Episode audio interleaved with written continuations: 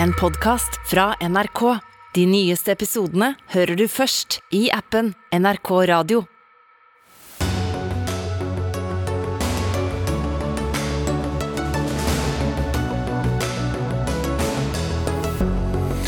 Stortingspresidenten sier hun ikke har noen planer om å gå av, selv om hun brøt regelverket for pendlerleilighet. Bodde for nærme Stortinget. Opposisjonen rasler med sablene. Regjeringen stanser godkjenningen av nye privatskoler. En trist dag for norske elever, sier Høyre. Strømkunder innbetaler elavgift i stort monn, men hvorfor får de ikke noe tilbake, spør sjefen for huseierne. Angriper Enova for å sitte på penger de skulle utbetalt til kunder. Og Kirken vedtok i helgen at de skal be regjeringen om å slutte å lete etter olje. Eh, det skal vi ikke, sier Arbeiderpartiet. Og når ble Kirken et politisk parti, spør Høyre. Riktig god onsdagskveld og velkommen til Dagsnytt 18. Jeg heter Espen Aas, og vi starter denne sendingen med bråket rundt stortingspresident Eva Kristin Hansen, som altså brøt reglene for pendlerbolig i flere år. Hansen bodde fast med sin ektemann 29 km unna Stortinget, mens regelverket sier du må bo mer enn 40 km. Men bekant nok var hun folkeregistrert i Trondheim, som er selvfølgelig langt over 40 km unna Stortinget, der hun leide rom i en leilighet eid av tidligere stortingsrepresentant Trond Giske.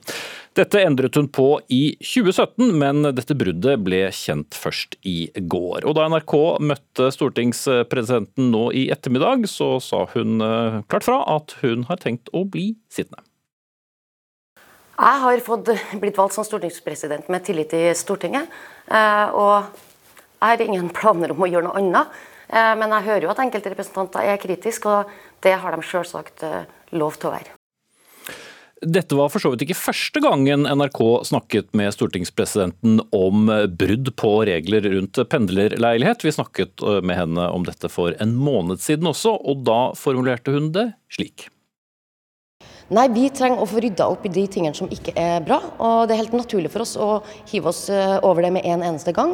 Fordi det er viktig at folk skal ha tillit til Stortinget, og ikke minst til politikere. Er tilliten svekket? Jeg vil tro det. Gjennom alle de sakene som har vært, så blir jo folk eh, irritert og tror at stortingsrepresentanter tilraner seg rettigheter man kanskje ikke har. Sånn at det er viktig for oss at eh, vi får rydda opp en gang for alle. Og dette intervjuet ble altså gjort eh, i oktober, etter bl.a. Eh, saken rundt tidligere KrF-leder Kjell Ingolf Ropstad. En stortingspresident er i rang nummer to etter kongen, og står slik sett også over statsministeren. Eva Kristin Hansen hadde ikke anledning til å delta i Dagsnytt 18 eh, i dag. Det har derimot et par opposisjonspolitikere og Arbeiderpartiets parlamentariske leder. Starter med deg, Sylvi Listhaug, leder av Fremskrittspartiet. Tidligere i dag så sa du at hun bør vurdere å trekke seg som stortingspresident. Hva slags tillit har du til henne ut fra det du nå vet? Altså, vi kommer til å be om en redegjørelse i Stortinget for å komme til bunns i denne saka.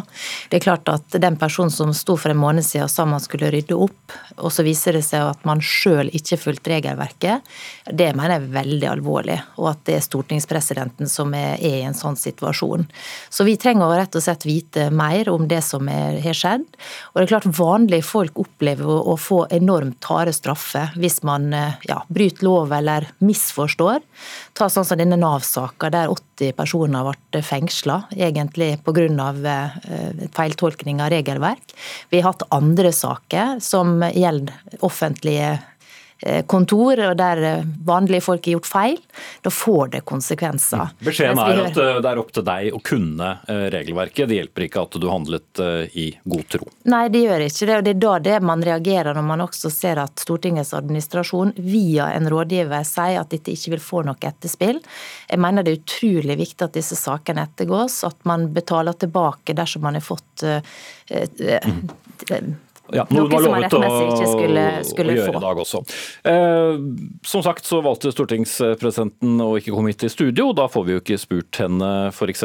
hvorfor hun hadde misforstått eh, regelverket, og hvordan hun fant ut at hun hadde misforstått det to dager etter at hun ble en del av presidentskapet i 2017. Hvorfor hun fant det naturlig å stå fortsatt folkeregistrert i Trondheim etter at hun flyttet inn med sin mann i eh, en, et hus i Ski, og hvor ofte hun brukte leiligheten i Trondheim, eller hvor ofte hun brukte stortingsleiligheten i Oslo når hun hadde under tre mil hjem til mann og hus i, Ski. Men Rigmor Aasrud, parlamentarisk leder i Arbeiderpartiet, du sa tidligere i dag at dere fortsatt har tillit til Eva Kristin Hansen som stortingspresident.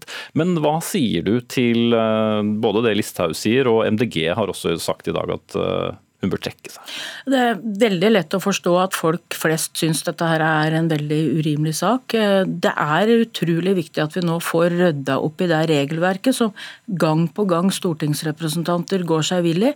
Og det er et arbeid som er satt i gang, og jeg har tiltro til at eh, det eksterne utvalget som skal se på dette, her, går ordentlig gjennom det, så vi slipper sånne saker i framtida. Når ble du og partiledelsen informert om denne saken? Jeg ble informert om den saken i går kveld. Ja, Etter at hun da hadde snakket med Adresseavisen? Eh, Det har jeg ikke, det vil jeg tro, eh, men hun informerte meg i går kveld, ja. Eh, Hva har hun selv sagt til dere om når hun selv forsto at hun brøt eh, regelverket om pendlerbolig? Jeg har forstått at Eva Kristin forsto det når eh, Adresseavisa begynte å, å grave i denne saken, og hun fikk forskjellige opplysninger fra Stortinget om dette var innafor eller ikke. Og hun er veldig lei seg, for det, hun har fortolka og trodd virkelig at hun hadde opptrådt innenfor det regelverket som Stortinget hadde når det gjaldt eh, bruk av pendlerleilighet, hvor du er folkeregistrert. Og Det er hun veldig lei seg for, og som hun har sagt i dag, og som du refererte, så hvis det har skjedd noe gærent, så vil jo hun klart å både informere andre om hva, hva som har skjedd, og også tilbakebetale eller kompensere for det hun har hatt en gode hun ikke har hatt krav på.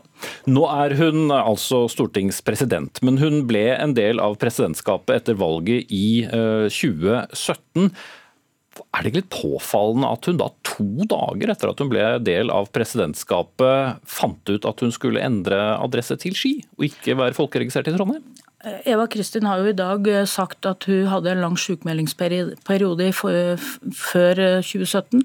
Kom tilbake på Stortinget da og, og bestemte seg for at hun skulle bo fast på Ski. Og følte det var riktig da å si opp den si fra seg den stortingsrealigheten hun hadde. Mm. Du har jo selv eh, sittet over tolv år på Stortinget og bor eh, et godt stykke unna av Stortinget. Syns du regelverket var vanskelig når du skulle krysse av? Eh, Nei, og jeg kryssa av på det Stortinget spurte om, om jeg var, hadde utgifter på bolig der jeg var folkeregistrert, og det har jeg. Rasmus Hansson, du eh, har brukt litt sterkere ord enn Sylvi Listhaug ja, helt siden i, i morges. Eh, Hvorfor bør hun trekke seg? Fordi eh, landets nest høyest plasserte person eh, skal eh, ha tillit, og skal oppføre seg på en tillitvekkende måte. Vi 169 som er valgt inn på Stortinget, er de 169 i Norge som gis mest tillit av eh, folket. Og helt på toppen sitter eh, stortingspresidenten vår. Da er det helt avgjørende at eh, vi kan ha full tillit til det presidenten sier og gjør. Og særlig når det er en president som, og det skal hun ha stor ros for, har sagt at hun vil bruke denne stillingen til å gjenreise tilliten til politikerne på Stortinget. Som jo er blitt litt frynsete, fordi det har ramla litt for mange sånne skjeletter ut av skapene i det siste. Jo, og i det mange summer, partier, ikke i det- bare i- i-. Absolutt i mange partier. Men den helt klart beste måten hun kan gjøre det på, det er å gjøre det samme som andre ledere gjør eh, når det skjer noe de selv har gjort eller de har ansvaret for, og det er å ta det ansvaret og gå. Mm. Da viser man at man tar ansvar. Da bidrar man til å bygge tillit. Og da gjør man ikke saken mer komplisert enn den trenger å være. Listhaug. Ja, og jeg ser jo det at mange av de som er blitt ramma av denne Nav-skandalen og sånn, står fram nå og syns det er dypt urimelig. Hvis det er slik at stortingspresidenten på en måte bare skal slippe unna, mens de sjøl er sona i fengsel, egentlig uten at de burde sitte der. Mm. Nå er det ikke noen fare for, for fengsel her, men bare for å presisere et par ting. Altså, for ingen saker er jo like. Eva Kristin Hansen har selv betalt uh, for utgifter til leiligheten i Trondheim. Hun er innvalgt fra uh, Trøndelag på Stortinget. Hun har selv betalt sine utgifter for uh, å bo uh, i Ski utenfor Oslo, 29 km. Så her er det snakk om at hun da ikke hadde rett på en pendlerbolig i tillegg, betalt av skattebetalernes penger. Er dette en mer alvorlig sak eller mindre alvorlig sak mener du, Listhaug, enn de andre sakene, som f.eks. Ropstad, som sto folkeregistrert på, på, på gutterommet? Her har man jo ikke meldt fra til Stortinget om at man er flytta til Ski. Eh, og så syns jeg også det er rart, og det er derfor jeg gjerne vil ha en, redegjørelse, at etter den debatten som var i høst, eh, der det alle disse reglene var på bordet, omtalt side opp og side ned, om at det er 40 km som gjelder, så eh, våkna man likevel ikke eh, og så det at eh, man sjøl da hadde ikke fulgt opp dette regelverket. Det er det som er litt spesielt her, og det er derfor vi vil ha en redegjørelse mm. der hele saken og, og ut fra hva hun sier der, så vil dere ta stilling til om dere fortsatt har tillit til henne eller ikke, er det riktig forstått? Ja, for det er jo viktig at landets nummer to, som Rasmus Hansson her sier, at man opptrer slik som man bør. Og det er klart at for tilliten ute i samfunnet også, så er det alvorlig når det er stortingspresidenten som mm. er i denne situasjonen. Hansson og Aasrud. Det som er trist med denne saken, er at det gjøres et veldig komplisert diskusjon ut av det enkle faktum at Stortinget har bestemt at bor du mer enn fire mil fra Stortinget, så har du en såpass slitsom arbeidsvei at da eh, får du en stortingshybel, slik at du kan gjøre jobben din. Bor du nærmere, så kan du som alle andre folk som bor eh, mindre enn fire mil fra arbeidsplassen, eh, pendle på vanlig måte. Det er det hele. Og alt annet om bostedsadresse og folkeregister og sånn er jo måter å gjøre dette her unødvendig innviklet på. Vet man at man bor mindre enn fire mil fra, fra Stortinget, så har man ikke krav på uh, pendlerbolig. Og det skjønner alle stortingsrepresentanter egentlig. Vi skal ta inn en jurist om kort, men uh, Aasrud, hva er det viktig for deg og, og resten av partiet å få vite nå fra Eva Kristin Hansen? Først og fremst så er jeg veldig enig med det Rasmus Hansen sier, at det er viktig at vi på Stortinget ikke har bedre ordninger eller andre. Så skal vi hensyn til at folk kommer fra hele landet og har noen særegne behov. og Derfor så står det jo i det regelverket vi forholder oss til, at du skal ha utgifter enten der du er folkeregistrert, eller at du skal bo, eller at du skal bo 40 km utafor. Det er viktig at de reglene blir overholdt. Mm. Det, så du sier at reglene er egentlig ganske enkle? Nei, altså ja, det er jo der det er tolkningsspørsmål. Da, og det er det viktig at vi får en ordentlig gjennomgang på. For det er ikke, det er ikke bra at stortingsrepresentanter stadig kommer i sånne situasjoner, og det tror jeg vi er enige om alle sammen. Derfor er det jo satt ned nå en advokatfirma som skal jobbe med dette. her. Det ble oppnevnt et uavhengig utvalg som skal se på de reglene som gjelder stortingsrepresentanter. Det er bra, for det er ikke greit at eh, det oppfattes som vi, at vi har andre regler eller andre. Noe, noe særregler må vi ha, mm. for der folk kommer fra hele landet. Men fire mil bør i utgangspunktet ikke være så vanskelig å misforstå? Nei da, men vi må se på det, det, som står om folkeregistrering også. For det er jo noen som velger å være folkeregistrert i den valgkretsen du kommer fra. Av flere grunner. Og det er jo der uh, denne saken ligger. Men, men, du tror henne på at hun har misforstått det ja, regelverket på fire mil? Det, jeg tror hun har forholdt seg til det som er første delen av, av den paragrafen, om eh, at du skal ha utgifter der du er folkeregistrert. Og så, tror jeg hun, så jeg tror henne på at hun har vært i god tro. Det har jeg ingen grunn til å tro noe annet på. Mm. Hans Fredrik Martinussen, du er med oss fra, fra Bergen. Du er professor i, i juss ved universitetet der. Hvordan vurderer du saken rent uh, juridisk? Jeg spørs om dere i hele tatt trenger en jurist, så uh, flott uh, utlagt dette ble av Rasmus Hansson. Men jeg, jeg, kan jo føye til litt. Stortingets retningslinjer for tildeling av pendlerboliger de er omtrent så tynne at du ikke kan kalle det et regelverk i det hele tatt. De sier egentlig bare at du har krav på Eh, pendlerleilighet hvis du bor mer enn fire mil fra Stortinget. Eh, alt dette som snakkes om paragrafer og folkeregistrering og sånn, det, det, finner du ikke i retningslinjene. Eh, men det som er litt påfallende, er at alle kjenner til liksom, at dette er praktisert på en eller annen sånn måte at hvis du er folkeregistrert et annet sted, så, så har du krav på pendlerbolig, men man vet tydeligvis ikke om at det også er en del av praksisen at hvis du disponerer bolig i Oslo-området, altså innenfor denne uh, firemilsgrensen, så har du ikke krav på, på leilighet. Uh, og Det er jo det som er det helt problematisk her, at retningslinjene snakker om uh, det å, å, bo mer enn fire mil unna. Og det er jo sånn, tenker jeg, at Eva Kristin Hansen burde ha meldt fra når hun kjøpte bolig i Ski og flyttet dit. Og når hun da tilbakeholder den informasjonen fra Stortinget, da uh, får vi spørsmål om bedrageri. og Det skiller denne saken fra f.eks. Ropstad, som hadde vært helt åpen med Stortinget om sin bosituasjon. Så Jeg anser denne saken som mer alvorlig enn de sakene vi har hatt så langt, uh, og der det kan være grunn for politiet til å etterforske om det kan ha forekommet noe straffbart. Ja, for Det var mitt neste spørsmål. Ut fra din vurdering, kan dette være uh, straffbart fordi hun da har fått en fordel av en gratis leilighet uh, i Oslo sentrum, som ville kostet mange titusener å leie i måneden? Ja, Hvis man bevisst eller grovt uaktsomt uh, villeder noen, slik at man får en sånn ytelse som man da ikke har krav på, uh, så er vi inne i bedrageribestemmelsene. Og så er det veldig vanskelig ut fra de få forklaringene hun har gitt i dag, og vurdere om dette er bevisst eller grovt uaktsomt. Så det må i så fall politiet etterforske. Eh, så jeg kan ikke sitte her og, og, og konkludere på det punktet. Eh, det, det, det er litt prematurt.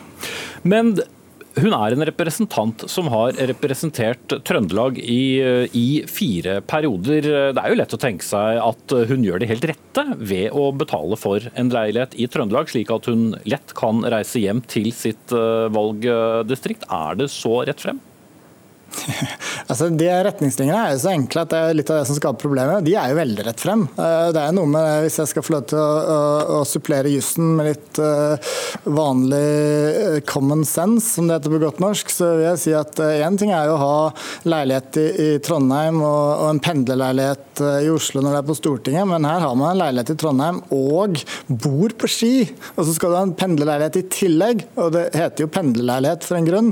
Da tenker jeg at det bør Eh, ringe noen bjeller. Mm. Vi får se hvor, hvor, høyt eh, det ringer. Vi sier foreløpig takk til panelet her. Hans Fredrik Martinussen, professor ved Universitetet i Bergen. Rigmor Aasrud, parlamentarisk leder for Arbeiderpartiet. Rasmus Hansson, stortingsrepresentant fra MDG. Og Sylvi Listhaug, partileder for Fremskrittspartiet. Vi gir oss likevel ikke helt med denne saken, eh, for det er mange ubesvarte spørsmål. Og jeg starter med deg, Siv Sandvik, politisk redaktør i Adresseavisen, som avslørte denne saken i går. En flau start på ryddejobben, skriver du i en kommentar eh, i dag. Hvor svekket eh, er Eva Kristin Hansen? Eva Kristin Hansen var jo den eh, vanlige jenta som vokste opp på Kolstad til å bli en eh, voksen kvinne som ble stortingspresident. Der passa jo vakkert inn i Arbeiderpartiets eh, historie om at ny kom, kom det nye koster, det er vanlige folk sin tur, og nå skal det ryddes opp etter at tilliten til folkevalgte ble kraftig svekka etter Aftenpostens mange avsløringer om pendlerboligrot. Eh, og den historiefortellinga har jo nå fått seg en kraftig knekk. Eh, Eva Kristin Hansen eh, gikk jo høyt på banen og sa at nå skal det ryddes opp. Så i stedet For å rydde opp på vegne av dem alle, så må han nå først rydde opp på vegne av seg sjøl. Lars Nehru Sand, politisk kommentator her i NRK. Det er mange som har misforstått eh, regelverket. Felles for alle som sier at de har misforstått regelverket, er at de alle har kommet litt bedre ut av det ved å misforstå regelverket. Men hvis vi tar Eva Kristin Hansens sak alene, hva er det mest alvorlige med den? Det er eh, for tilliten til politikerne at den kommer på toppen av mange saker. Det er mange som har gjort det, det samme, og det kan vitne om en ukultur eller et dårlig regelverk eller dårlig evne til å etterfølge og, og ikke minst oppdage feil ved et regelverk. Og Det handler ikke bare om pendlerboligene, det handler også om reiseregninger og etterlønnsordninger. Eh, så er det alvorlig for Hansens del, og det som setter henne i en særstilling, er at selv om hun ikke har gjort disse feilene mens hun var eh, stortingspresident, så er det hun som skal ha tillit til at, eller vi skal ha tillit til at hun rydder opp dette på en god måte. At hun nå reviderer dette regelverket eh, sammen med de hun eh, faktisk ber om at skal gjøre det. Da. Det skal settes ned et utvalg, og de skal komme med noen forslag. Men det er hun som vil stå som den som skal håndtere den saken i Stortinget. Hvordan skal regelverket være i fremtiden? Og det hun egentlig har brutt i hermetegn ved å ikke melde fra i 2014, når hun da kjøper seg inn i denne leiligheten leiligheten i, i Follo, det er den tillitsbaserte eh, tingen med hele dette systemet. At man har kanskje ikke eh, løpt etter stortingsrepresentantene hver uke for å sjekke hvor de faktisk bor akkurat nå, og om det har skjedd noe siden sist.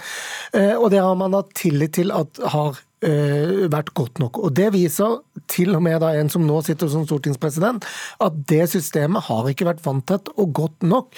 Og det er alvorlig med sakskomplekset. Eh, og, og, Siv Sandvik, vi hørte nå Rigmor Aasrud si at uh, dette var altså ikke kjent for noen da i Arbeiderpartiet inntil dere brakte nyheten i går, i hvert fall da hun som parlamentarisk leder ble informert om den. Er da Eva Kristin Hansen den rette til å lede arbeidet med å rydde opp?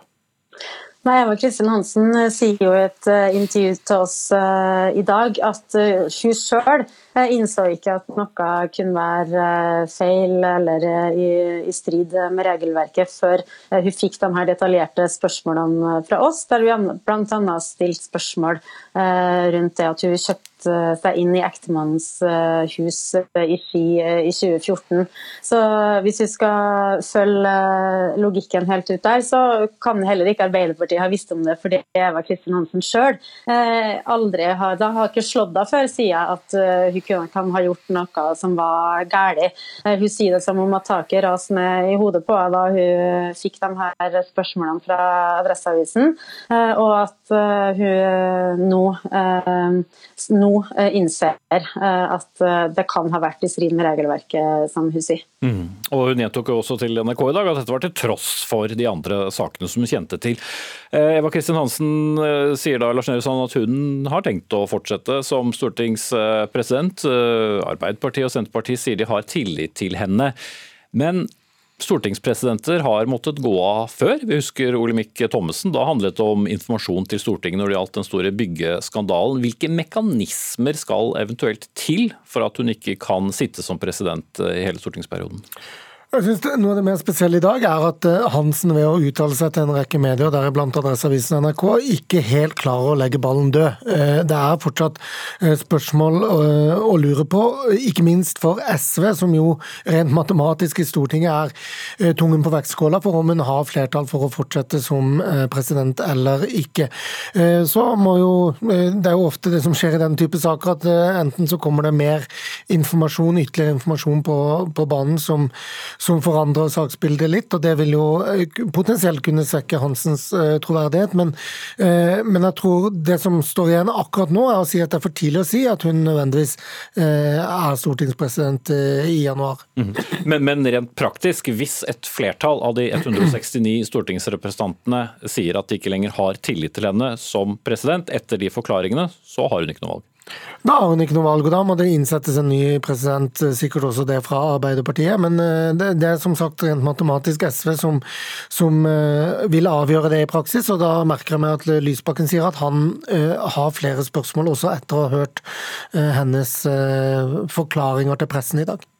Eh, til slutt, eh, Siv Sandvik, eh, som nevnt, både Arbeiderpartiet og Senterpartiet sier de stiller seg bak henne. I hvert fall nå skaper de seg en viss fallhøyde, når det fortsatt er en del ubesvarte spørsmål?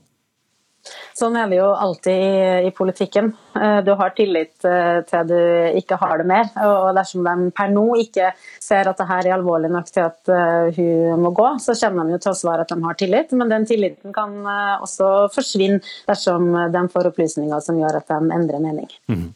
Da sier vi takk til dere begge. Lars Nehru Sand, politisk kommentator i NRK, og Siv Sandvik, politisk redaktør i Adresseavisen. Og så får vi se hva som ellers måtte dukke opp i denne saken.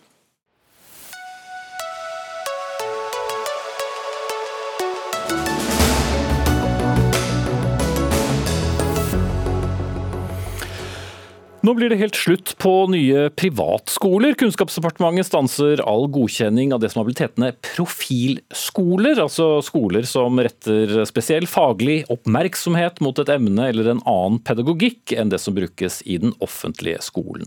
Åtte søknader lå inne hos Utdanningsdirektoratet. I, eh, det her er det skoler som et realfagsgymnas, friskoler og også internasjonal skole. Men uh, disse blir ikke noe av. Tonje Brenna, kunnskapsminister fra Arbeiderpartiet, hva er det som skjer nå?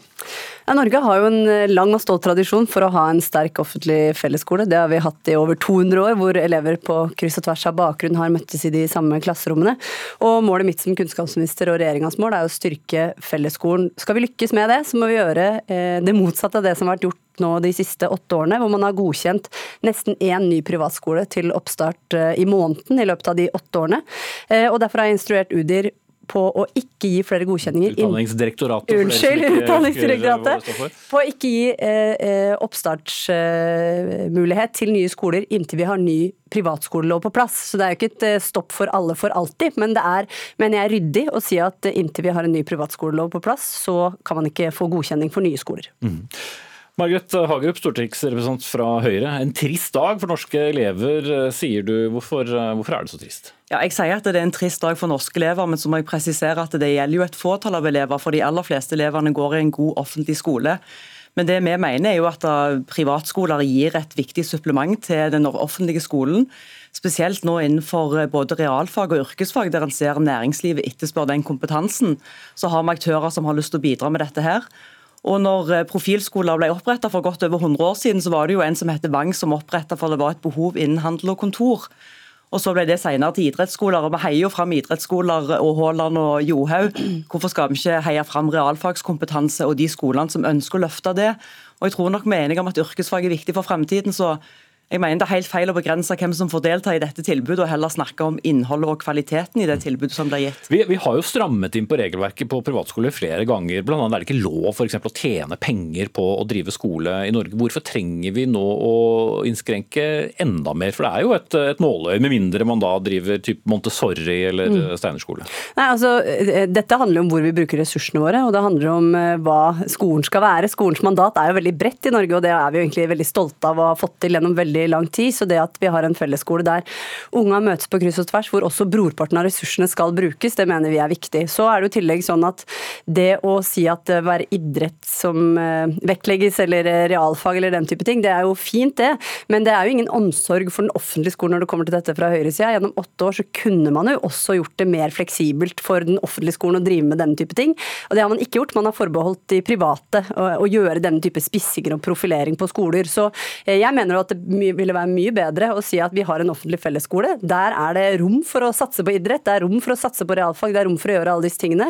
Det er til og med rom for å gjøre sånn som man har gjort på Valle videregående i Oslo, med at man kan sparke fotball for å komme seg inn på en linje som ikke er idrettslinje, fordi det eh, er et fleksibelt inntakskriterium. Så jeg vil jo heller mene at det er riktig å si at den offentlige skolen skal være til for alle, med alle de variasjoner og mangfold det er riktig å ha for det til, det tilbudet mangfoldet av elevene skal ha. Og istedenfor eh, å slutte med det som de borgerlige har gjort nå gjennom eh, åtte år, og som de gjør hver gang de får makt, nemlig å si at det kan være opp til private konserner å drive eh, med tilbud om utdanning, og dermed flytte makta fra Stortinget, fra kommunestyre og fylkesting og over i styrerom og konsernstyrer. Det mener jeg er galt. Hva er det vi mister, Hagerup, ved å ikke la private gjøre det som vel egentlig offentlig skolen også fint kan tilby? Nei, Jeg mener jo at vi mister innovasjonen og mangfold. og Det er jo ikke de samme behovene som er kanskje for skoler oppe i Finnmark som det er i Rogaland. Det er ikke alle skoler som trenger å ha et økt fokus på idrett. Det er ikke alle som ønsker... Men det trenger vel ikke å være helt like i, i Rogaland som i Finnmark? I, Nei, jeg mener? Vi må åpne for et mangfold og vi må åpne for at profilskoler også skal kunne være etablert. for det er jo sånn at Norske elever er ganske mangfoldige, og vi fratar jo de den valgfriheten til å kunne velge et annet alternativ hvis vi sier at vi ikke skal ha profilskoler. Og Profilskoler kommer jo som et behov kanskje fra næringslivet eller andre som etterspør noe. Og så er det jo sånn at Selv om vi sier at vi sier go for profilskoler, så er det ikke sånn at elevene velger å gå der. De må faktisk søke seg til det tilbudet, og da, da betyr det jo kanskje at de leverer noe som er bra.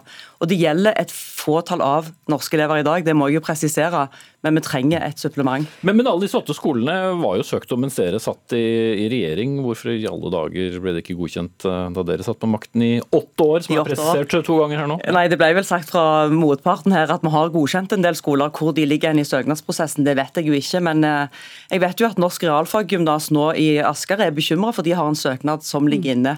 Og Det er jo òg et sånt poeng med signal til de som ønsker å gi et tilbud. Vil statsråden da si til de at de bør egentlig basere seg på at dette vil ikke være noe som er ønska i fremtiden? Men akkurat Asker eh, og realfagskole lå jo faktisk inne under deres regjering, så den kunne dere jo bare godkjent selv. Men, men de 35 eh, profilskolene og yrkesskolene som da er godkjent siden 2015, innenfor disse berømmelige åtte årene, da, hva, hva skjer med dem? Nei, De fortsetter jo som før. Det vi har sagt nå er at vi ikke godkjenner nye skoler av dette slaget. Så skal vi jo ha et mangfold, det hadde vi også sist vi hadde regjeringsmakt. Vi hadde både pedagogisk alternativ, de internasjonale skolene fantes, altså det var mange forskjellige ting som var som supplement til den offentlige fellesskolen. Men det å ha eh, såkalte profilskoler, som i grunnleggende sett betyr at du har en skole helt lik den som er i offentlig regi, men med en eller annen variant av satsing, da mener vi det er mye bedre å si den satsinga skal være plass til også i den offentlige skolen, istedenfor at vi flytter makta over til eh, konsernstyrerom og vekk fra folkevalgt kontroll, og at det blir skolepenger for flere. Men, Og men la meg nei, gripe bare- tak i det med, med, med, med folkevalgtes eh, kontroll. Fordi Mm. skoler drives jo da av enten fylkeskommune eller eh, kommune, avhengig om det er grunnskole eller eh, videregående. Kan en kommune, eller for den sakens skyld eh, en fylkeskommune, velge å åpne for en profilskole, eller er det på departementsnivå som denne avgjørelsen eh, Nei. skal tas? Dette er jo en av de viktige tingene som de borgerlige ikke la opp til, nemlig at kommunene skulle fått hatt mer å si i dette spørsmålet. Jeg er jo helt sikker på at alle våre kommunepolitikere og alle våre kommuner har et ønske om å ha et godt tilbud til alle sine elever, men at det da kan komme en privat skole og etablere seg i en kommune etter godkjenning fra et departement som dermed trekker elever ut av den offentlige skolen som finnes i den kommunen. Det er åpenbart en utfordring for kommunene våre, og dermed kunne opprettholde godt tilbud for alle de som ikke går i en privat skole. Så det viser jo et dilemma. Men så er det Ja, men jeg skjønte ikke, Kan en kommune eller en fylkeskommune dag- si ja, ja. til det, eller ikke? Nei, i dag har de ikke noe de skulle sagt. Det mener vi at de skal ha i framtida. Sånn at når vi legger fram ny privatskole, så kommer det til å være en av de tingene vi vektlegger. Da er vel du fornøyd, Hagerup? Eller? Nei, og En ønsker også å fjerne grunnlaget for statstilskudd. og Da er du tilbake igjen at da er det de som har muligheten til å betale for et annet tilbud, som vil kunne velge noe annet. Og En snakker om å putte elevene fra den offentlige skolen eller andre steder. Jeg mener jo at elevene skal ha større grad av valgfrihet. og I dag så ser vi at det er et fåtall av elever som velger en annen retning. Det er ikke alle som skal gå på idrett på Vang. Noen har lyst til å satse på realfag og kanskje være med i det grønne skiftet. Det må være rom for det. Men det Ok, da. Det er eh, Tone Tonje Brenna, kunnskapsminister fra Arbeiderpartiet, og Margrethe Hagerup, stortingsrepresentant fra Høyre.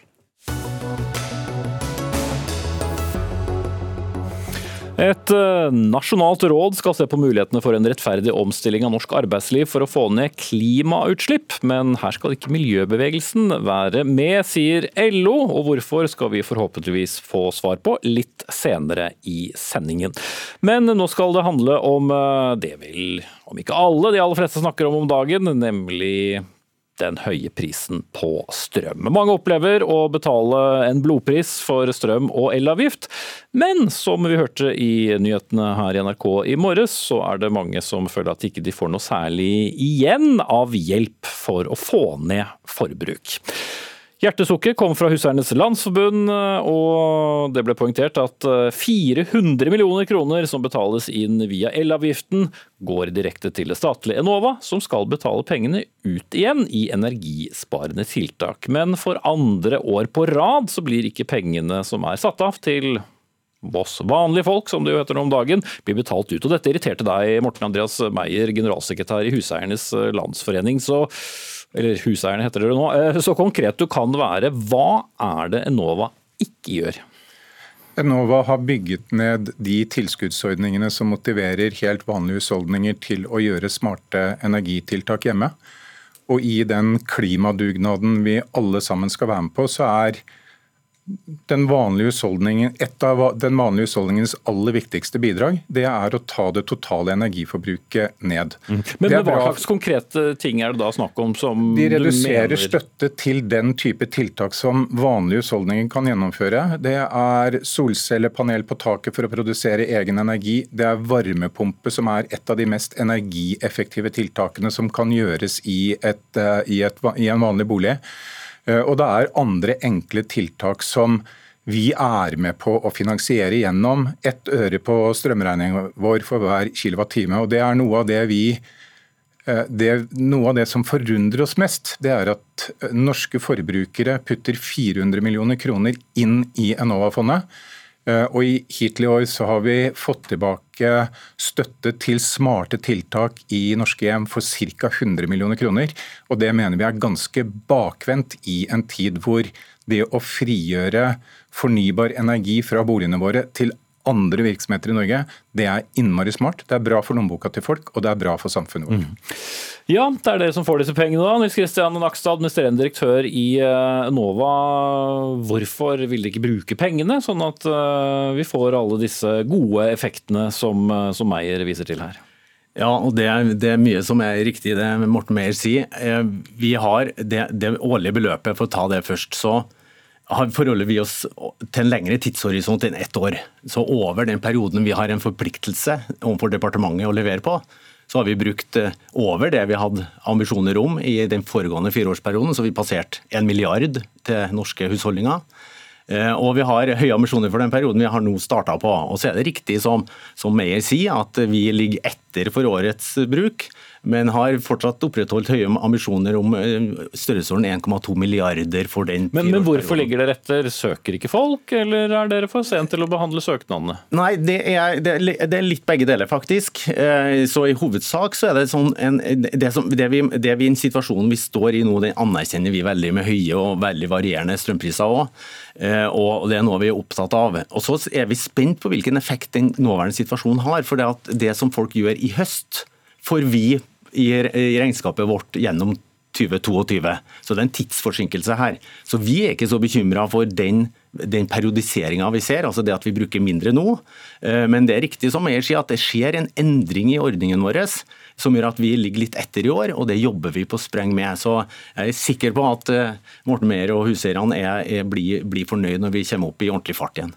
Like overbevist, eh, Meyer? Nei, jeg er ikke det. Eh, og dette, det, det, samme gjaldt jo i fjor. Så hvis du tar de siste årene, så er virkeligheten at uh, helt vanlige husholdninger over strømregninga betaler vesentlig mer inn enn det som går ut igjen til energieffektiviserende tiltak i husholdningene. Og Det betyr jo at en, en, vanlig familie er med på å subsidiere store industriprosjekter for de største kommersielle industribedriftene i Norge.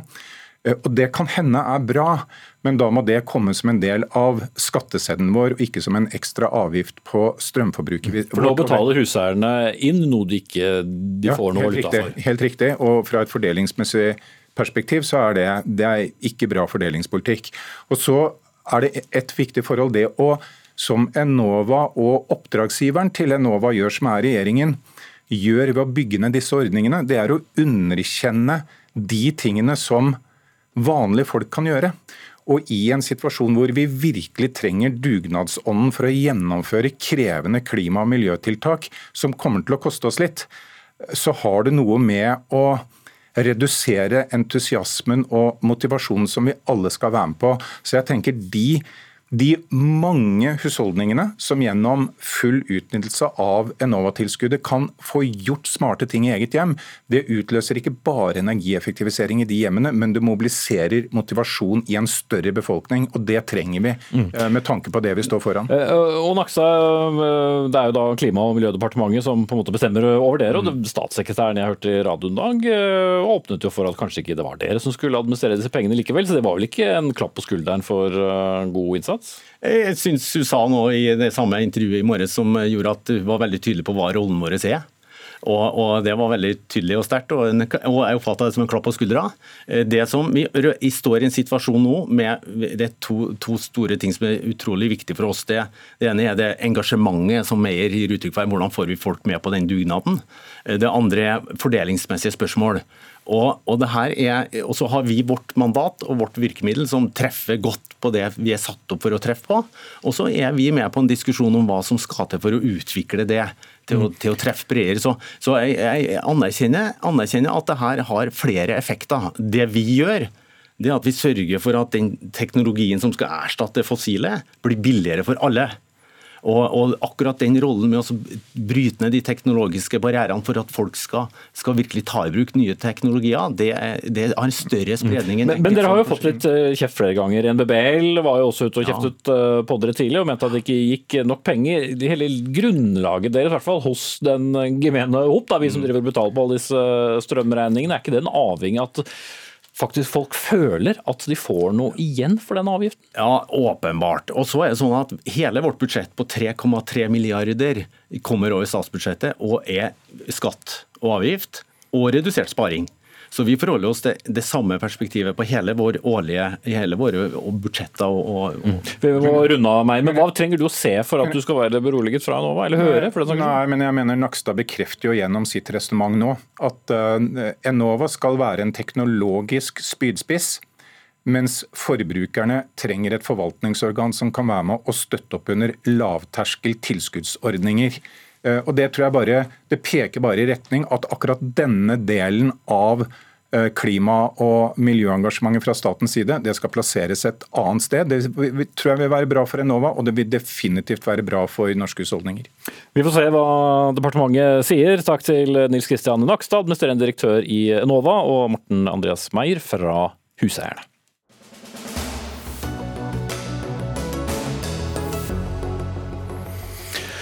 Det er uh, sjeldent langt mellom såkalte grønne temaer i uh, nyhetssendingene om dagen, og vi fortsetter uh, med det. For miljøorganisasjonen Framtiden i våre hender mener at miljø og fagbevegelse må miljø og fagbevegelse må jobbe sammen for å sikre en rettferdig omstilling av norsk arbeidsliv.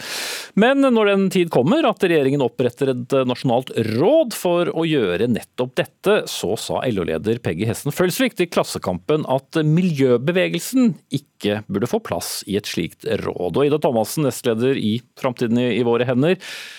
Er det så rart at ikke dere får plass der? Ja, vi mener jo at vi burde ha en plass rundt det bordet.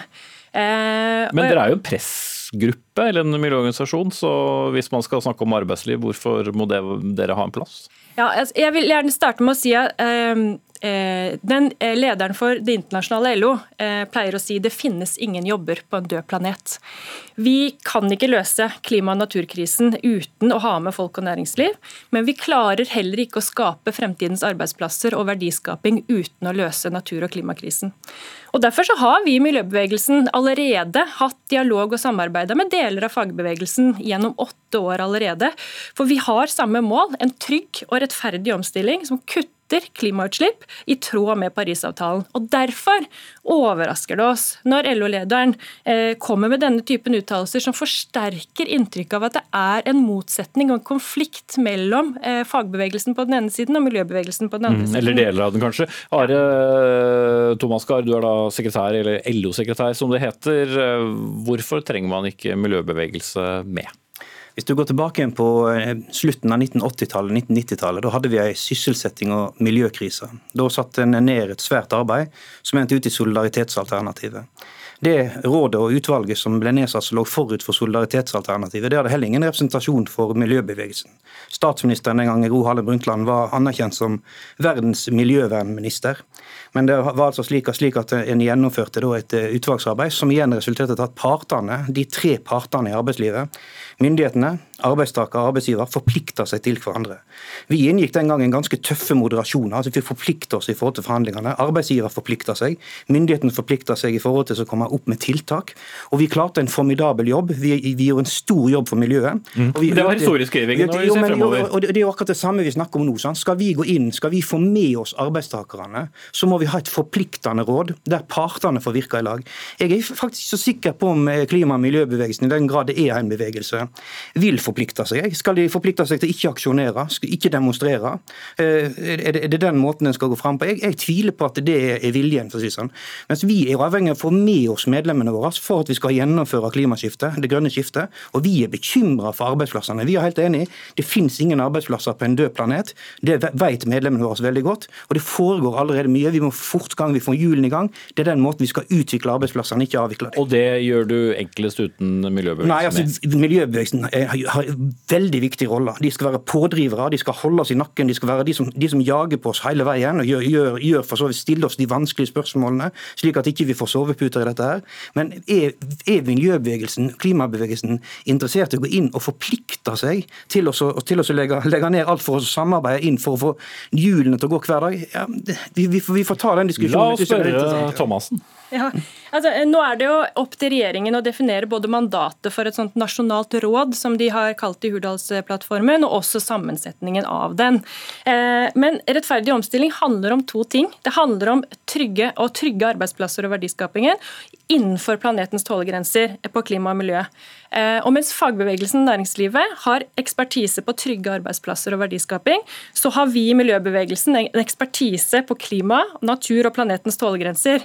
Og vi mener derfor at eh, alle disse hensynene må ivaretas i et sånt råd for at vi skal klare å finne de beste løsningene. Men ligger det ikke litt under her da at du ikke stoler på at eh, Thomas Gahr og fagbevegelsen klarer dette?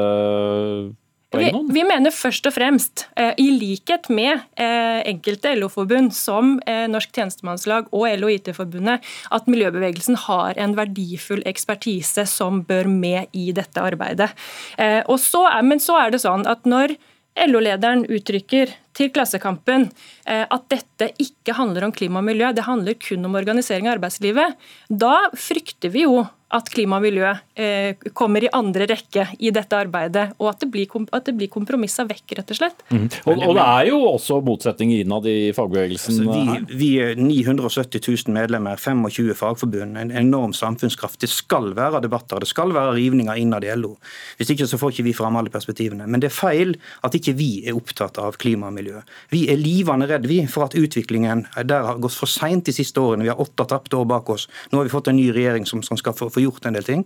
Vi, for arbeidsplassene i framtida, de som er framtidsretta, de er klimavennlige, de er, miljøvennlige, og de er også seriøse, for å si det sånn. Dette må vi få, dette må vi få plass. Og Det er ikke sånn at vi ikke anerkjenner kompetansen til klima- og miljøbevegelsen, men det vi snakker om her, er jo hvordan skal vi få organisert, hvilke vilkår skal de ansatte stå for. Vi skal kanskje, vi skal kanskje En del arbeidsplasser en del næringer vil forsvinne, det vil komme opp nye. Altså Vi skal ikke gå fra seriøse virksomheter til useriøse virksomheter. Det, da får det en stopp i, i framdriften i forhold til klimaskiftet. Og jeg, jeg, jeg er langt ifra sikker på at, at, klima- og miljøbevegelsen og hvem skulle i så fall representert inn i forhold til å forplikte klima- og miljøbevegelsen i en slik partssamarbeid, det tviler jeg sterkt på vil, vil fungere veldig bra. Men vi, ja, men bare ta det med forpliktelsen, da, for det er det du har sagt flere ganger nå som du ikke har, har eh, helt svart på. Får ikke dere da en helt eh, annerledes uh, rolle enn å være en, en pressgruppe og, og også tidligere, deler av den, da, aktivister? Det kommer jo helt an på hva som vil være mandatet til et sånt råd. Vil det være å eh, rådgi regjeringen i de valgene de skal ta, eller er det eh, forpliktende avtaler, og hva er i så fall eh, forpliktelsen til miljøbevegelsen i et sånt arbeid? Men vi mener at miljøbevegelsen må være representert. Altså er vi helt enig i at dette handler om trygge arbeidsplasser, sikre arbeidstakerrettigheter i en samfunnsomfattende omstilling som vi skal igjennom. Men i det òg, det ligger en kompleksitet i dette, også på klima- og miljøsiden.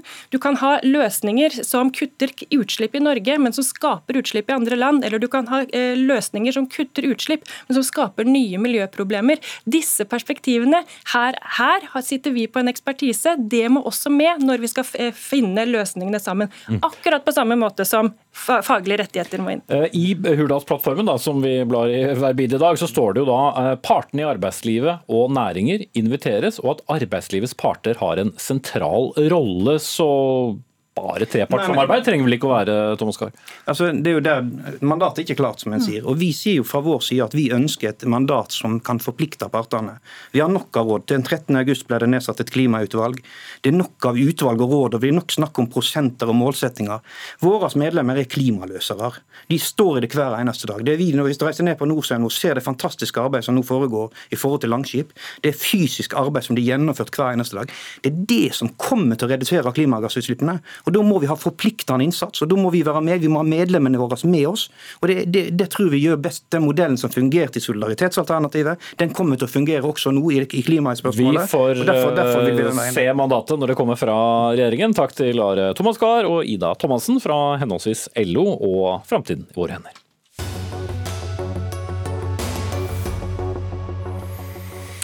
Ja, har vi hatt uh, to saker uh, om miljø, så kan vi vel ta en tredje også, kanskje. Regjeringen må lytte til anbefalingene fra Det internasjonale energibyrået om å stanse ytterligere leteaktivitet etter olje og gass på norsk sokkel. Det kom da verken fra Framtiden våre hender eller Greenpeace eller noen andre organisasjoner, men denne gangen fra Kirken. I går vedtok nemlig Kirkemøtet en radikal klima- og miljøplan, i tillegg til bl.a. ønske om oljestans. Inkluderer planen ambisiøse mål på egne vegne. Bl.a. skal Kirken kutte klimautslipp fra reisevirksomhet med 60% innen 2030, og stimulere at alle menigheter skal bli grønne innen samme år. Olav Fykse Tveit, preses i Den norske kirke. Kunne nesten trodd at dette var et politisk manifest? Ja, Man kunne også trodd at det var paven som sa det. Paven er jo mye krassere. Altså, dette er et felles kirkelig anliggende i verden som vi målbærer. Og ikke minst ungdommen i kirkemøtet sier at nå, nå må vi lytte til de og deres framtid. Dette, dette er ikke en spesifikk partipolitikk. Dette, dette, handler om engasjement for verdens framtid. Mm. Og Da lurer vi jo da eh, på hva regjeringen har tenkt å gjøre med dette. Terje Aasland, leder i energi- og miljøkomiteen på Stortinget for Arbeiderpartiet. Har dere tenkt å høre på Kirken? Ja, mange ganger skal vi høre på fornuftige innspill som kommer fra ulike organisasjoner eller interessefellesskap, inkludert Kirken. Men når det gjelder f.eks. hvordan vi skal drive norsk olje- og gasspolitikk, så skal vi gjøre det ut ifra de vurderingene vi trekker. Og Eksempelvis så kommer vi til å videreføre F.eks. leting etter norsk olje og gass. Vi har sagt at vi skal utvikle og ikke avvikle. Og mener også at olje- og gassindustrien som et eksempel er en viktig bro over til det fornybare samfunnet med nye muligheter for Norge. Så der er det en motsetning mellom Veldig, eh, dere og Kirken? Der er det en klar motsetning. Eh, og for oss er det viktig å ta de helhetlige vurderingene og stå til ansvar for de vurderingene vi selvfølgelig gjør. Så det er vår oppgave her. Men eh, det er jo mange som har sagt eh, det samme. La gå eh, paven, men vi har også FNs generalsekretær, mange klimaforskere og som sagt Det internasjonale energibyrået. Alle tar feil?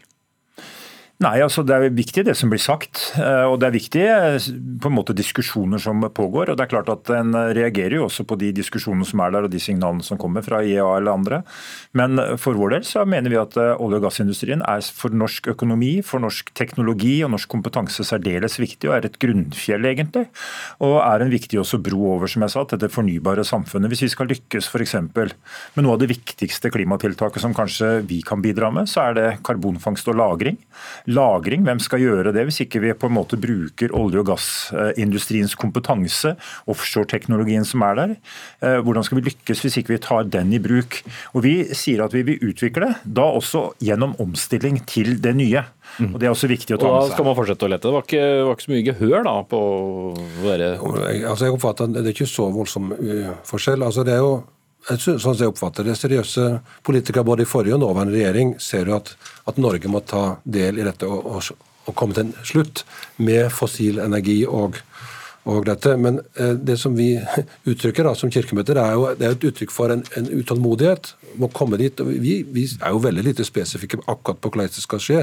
Men, men, men signalet er jo ganske klokkeklart? Ja, signalet er lytt til det som FN og da dette energibyrået utfordre oss på, fordi vi er en del av et globalt samfunn der vi må finne disse løsningene. Og Jeg tror jo at norske politikere er veldig seriøse på å prøve å finne disse løsningene. Det, handler ikke om det. Vel, Norske politikere har i hvert fall lyttet til hva dere sier. Det er ikke det samme som at de er enige, for flere mener jo at dere da blir mer og mer en politisk aktør og mindre et trossamfunn. Mathilde Tybring-Gjedde i olje- og energikomiteen i Stortinget for Høyre, du er, er en av dem. Hva, hva tenkte du da du så klimaplanen?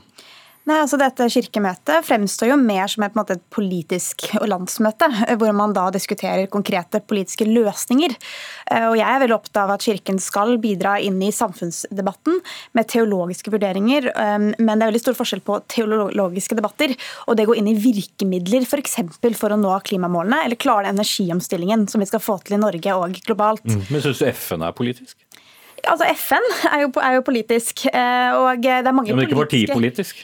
Nei, men FN er en politisk aktør, en samfunnsaktør. Mens, mens Kirken, eh, hvis de ønsker å være et religiøst fellesskap som kommer med teologiske vurderinger, så mener jeg det går for langt inn i virkemidlene. Bare for å ta et eksempel. Jeg mener at det er veldig, veldig viktig at Kirken f.eks. kan ha kirkeasyl, altså drive sivil ulydighet, ta vare på mennesker på flukt. Det mener jeg at de skal kunne ha mulighet til, selv om man politisk for eksempel, mener at noen ikke skal være i landet. Men det er en forskjell på det og det å vedta at man skal ta imot 4000 kvoteflyktninger, f.eks. Og utfordringen med at Kirken regjeringen går inn i konkrete virkemidler, er at man utdefinerer eh, da eh, medlemmer av, av, av, den, eh, av Kirken for sine politiske meninger, som i strid med f.eks. nestekjærlighet eller, andre, eller forvalteransvaret. Og jeg mener at jeg kan ta vare på forvalteransvaret, som er en grunnleggende verdi også for meg, uten at jeg nødvendigvis er for f.eks. slutt i leting. Mm. Ingen plass til oljearbeidere i Den norske kirke? For all del. Altså, det det syns jeg er en veldig forenkling av tematikken. Altså, det er et dypt engasjement, eh, globalt og nasjonalt, for at må, vi, det må skje noe.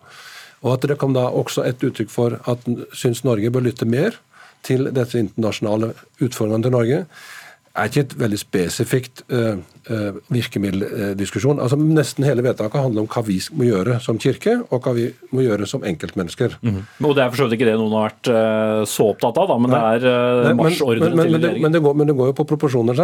Men, men, i det bildet så sier vi at vi må også være med å gi mandat til og støtte politisk arbeid for å finne løsninger på dette, hvordan vi skal komme oss ut av denne Oppfatter du Kirken som politisk her, Aasland, slik både Fremskrittspartiet og Høyre har sagt? Det er ingen tvil om at eh, det de nå har vedtatt er politiske standpunkter eh, som går rett inn i den politiske debatten. og Det tror jeg er klokt at Kjerka også erkjenner at de faktisk velger å gjøre. Mm. Men limer de seg til enkelte politiske partier og vender seg bort fra andre, er vel eh, noe spørsmål her? Nei, jeg tror ikke, altså De tar vel ikke noen partipolitiske standpunkter sånn sett, men de tar jo veldig tydelige politiske standpunkter. Er det greit? Er, det må Kirken sjøl vurdere, om det er riktig ut ifra det eh, begrepet de og den situasjonen de skal på en måte ivareta.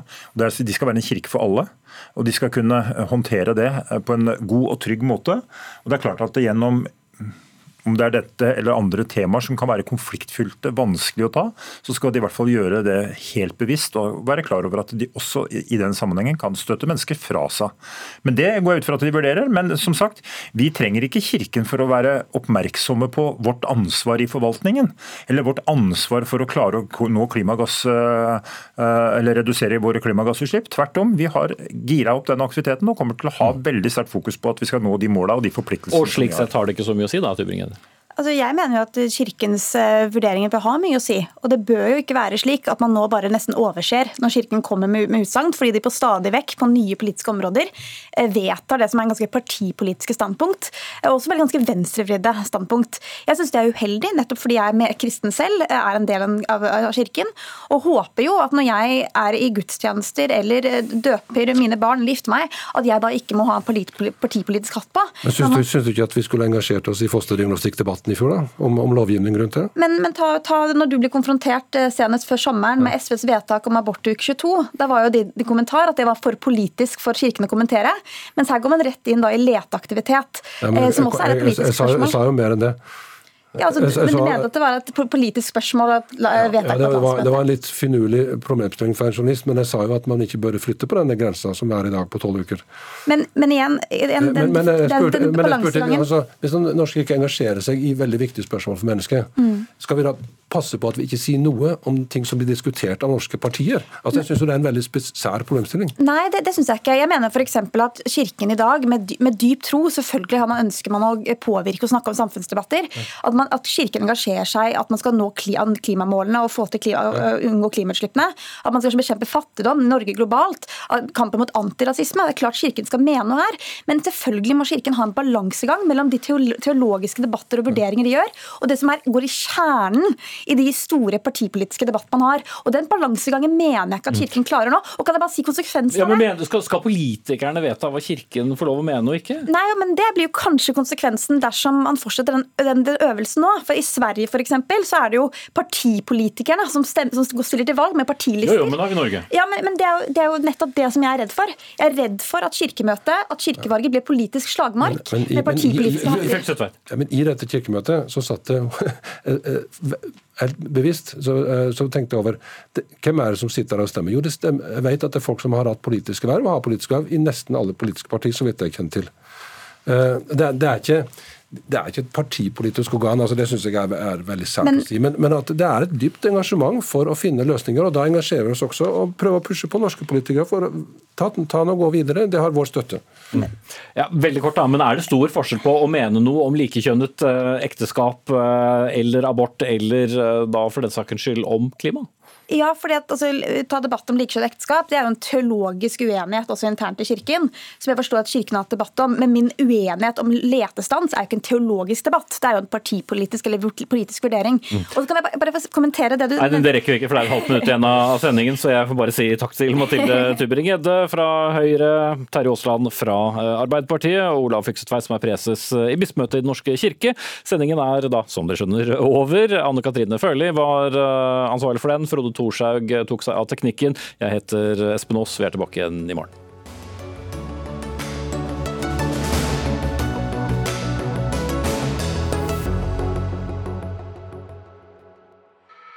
Du har hørt en podkast fra NRK. De nyeste episodene og alle radiokanalene hører du i appen NRK Radio.